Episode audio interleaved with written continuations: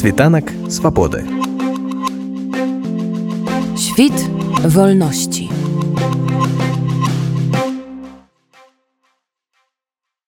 Жыццё ў кожнага апытанага мною чалавека і яго сям'і зразумела складваецца па-свойму. У кожнага свая гісторыя удзелу ў палітычных працэсах у Беларусі, свае шляхі эміграцыі і свае спосабы ўладкавання на новым месцы. Хтосьці прыехаў яшчэ ў 2020 годзе, а хтосьці два гады пасля. Распавядае спадар Дзяніс, які разам з сям'ёй пакінуў родны шчушын яшчэ ў восень двадцатого. Мы прыехалі напрыканцы кастрычніка двадцатого году і калі старэйшага яму было на той момант сем гадоў мы аддалі адразу пасля карантыну э, у школу. Ён праз тыдзень пасля каран... выхаду з карантыну ён уже вучыўся. То з малодшым была праблема. Яму на той момант было чатыры годы. І месца ў садочках не было. То я выходзіў кожны дзецкі садок і заходзіў да дырэктароў і пытаўся чы ёсць вольныя месцы. Ну і так здарылася што у адным садку жанчына запытала адкуль я. Я сказаў што сашчучана гэта побач з лідай з гародняй. І яна адказала што яе муж з ліды ну і попрасила телефон і дзесьці праз паўгадзіны выйшла і сказала што месца будзе ну і ён у снежні ўжо пашоў у садок А як дзеці перажылі вось тое што іх вырвалі па сутнасці са знаёмага асяроддзя за звычайных месц за свайго дома і вось тут адаптацыя як прайшла? Ну мне старэйшы толькі-толькі пайшоў у беларусі ў першы клас то два месяцы адучыўся там. Для яго гэта было не так складана і ён ужо праз месяца паўтары ён уже пачынаў гаварыць па-польску. Ён разумеў добра але словы каверкаў канцоўкі ну браў беларускае альбо рускае слова і оу дабаўляў і думаў што гэта правільна. а, а малодшы ён дзесьці паўгады ён не хацеў размаўляць э, па-польску ён э, з усімі і з палякамі з беларусамі і з украінцамі ён размаўляў больш па-расейску э, ну і пазней у яго у адзін момант калі ён перайшоў ужо другі садок у яго э, мы просто сталі заўважаць што ён з дзецьмі размаўляе ўжо па-польску з намі ён не хацеў па-польску адказваць напрыклад але з дзецьмі ён ужо пачаў размаўляць ну і за гэтае амаль два з паловай гады то дзеці размаўляюць лепш чым дарослыя чым мы бацькі ну і ім падабаецца і школа і садок і ў гэтым годзе малодшы ўжо пайдзе ў першы клас і Ну, пакуль ну, так. А так у Беларусь да роднага дома іх не цягне. Штосьці яны кажуць ці ўжо зусім забыліся і не, не успамінаюць. Ведаецца, больш пыталіся, калі сазваніваліся з бабулямі, дзядулямі, калі вы да нас прыедзеце, калі мы да вас прыедзем. Э, сумаваў старэйшы па аднакласніках па сябрах которые засталіся ў беларусі апошні час яны так, ўжо сказаць што ўжо адаптаваліся цалкам і ну, шмат дыскамфорту не пачуваюць у іх шмат сяброў і сярод беларусаў і сярод украінцаў і сярод палякаў старэйшы напрыклад калі пачалася вайна і сюды прыехала шмат дзяцей таксама з украіны. І яны у у сярэдзіне навучальнага года пайшлі ў школу польскую то ён у іх быў як перакладчык. Ён перакладаў настаўніцам што яны кажуць. Ну а і дзецям перакладаў што расказваюць настаўніцы. У весну 2021 года у беласток прыехаў са шклова спадар зміцер потым да эмігранта далучылася яго шматдзетная сям'я Паводле яго заўважных праблем, звязаных з пераездам, у дзяцей не было. Дзеці вельмі лёгка перанеслі пераезд і успрынялі Беласток вельмі добра, ім падабаецца гэты горад. Магчыма, таму што мы пажылі трохі ў маленькім горадзе ў Беларусі і калі пераехалі ўжо в такі сказаць буйны еўрапейскі горад, ім здесь вельмі падабаецца. Адаптацыя прайшла даволі лёгка ходят в школу добра вучацца то есть праблемы ніякіх няма ну па першасці можа быць нейкія былі там ну нейкая незадаволенасць ці нейкі ну капрызы дзіцячыя як толькі пераехалі ці не, не заважалася ну, я шмат чуў такіх гісторый але у нашай сям'е даволі лёгка гэта все прайшло і э, не было ніякіх ні дэпрэсій ні дзеці успрынялі новае месца жыхарства даволі добра і адаптавались просто.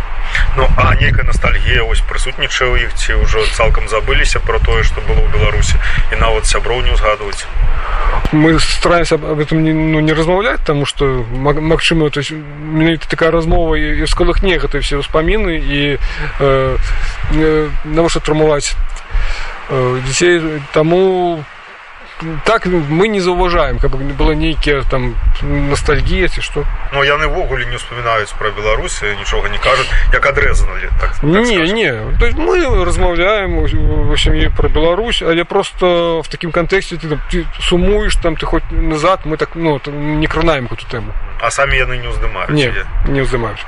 Ну а вашим дзецям колькі гадоў? У меня чацвёра дзяцей 13 12 8 і три гады калі раптам з'явіцца магчымасць зноў вярнуцца ў Беларусь ці захочуць дзеці бо яны уже крыху большая чым на той момант калі пераязджалі сюды? Гэта вельмі складанае пытанне нават просто тэхнічна тому что невядома як гэта будзе в плане адукацыі тому что дзеці шмат напэўна ну больш за три гады дакладна правучацца в в польскай школе і як гэта будзе просто вярнуцца ў Беларусь які клас гэта просто тэхнічна складана а, але я думаю што дзеці паехалі ну, дадому там што там і бабуля там і дзедуля там, ну, У восень 2022 года перавезла дзяцей падлеткаў у Беласток з Брэста спадарыня Тацяна.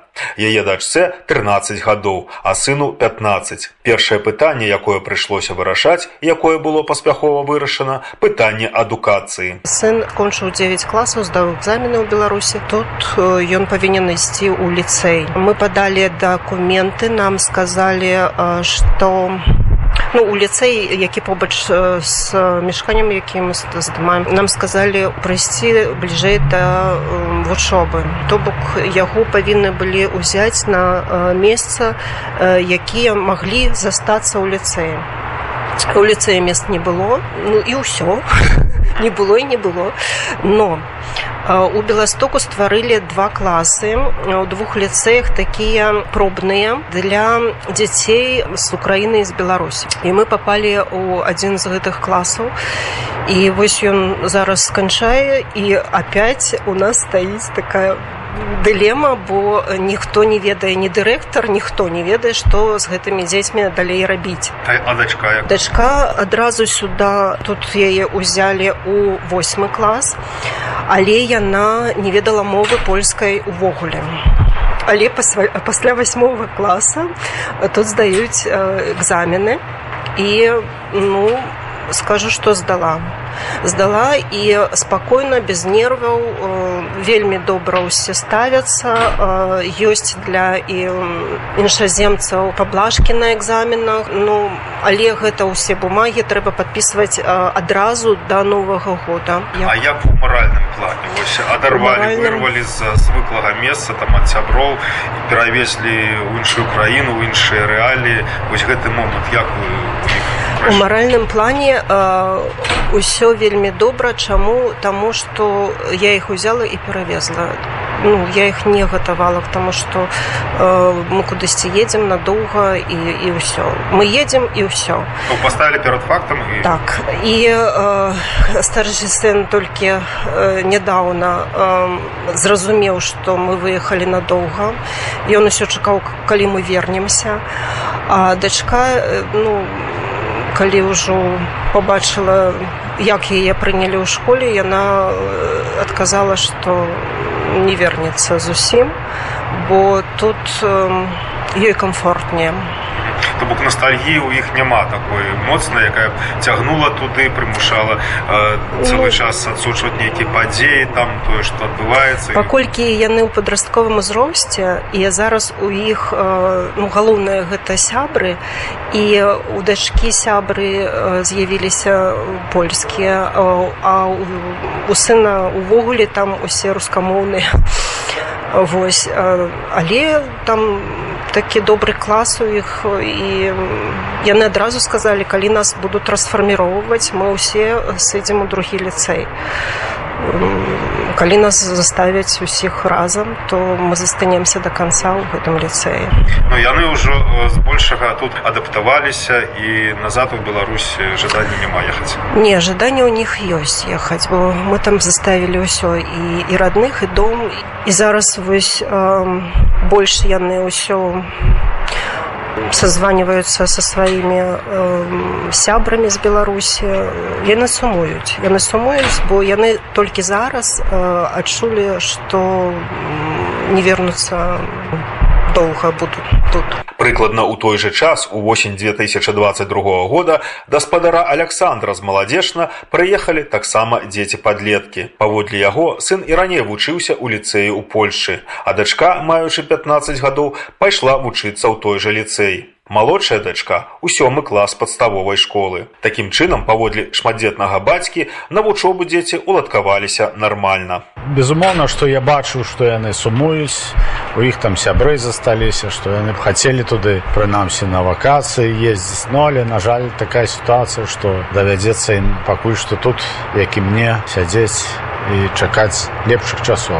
Ну авогуле як у іх па маральна такім маральным настроі адносіны да новага места? Ці яны ўжо украніліся знайшлі сябро ці яшчэ больш жывуць тымі падзеямі рэаліямі адкуль яны з'ехалі дачка напрыклад там у ліцэі там шмат дарэчы беларуса вучыцца вось і як бы у е там сяброўкі ёсць там і з гародні там з іншых месцаў.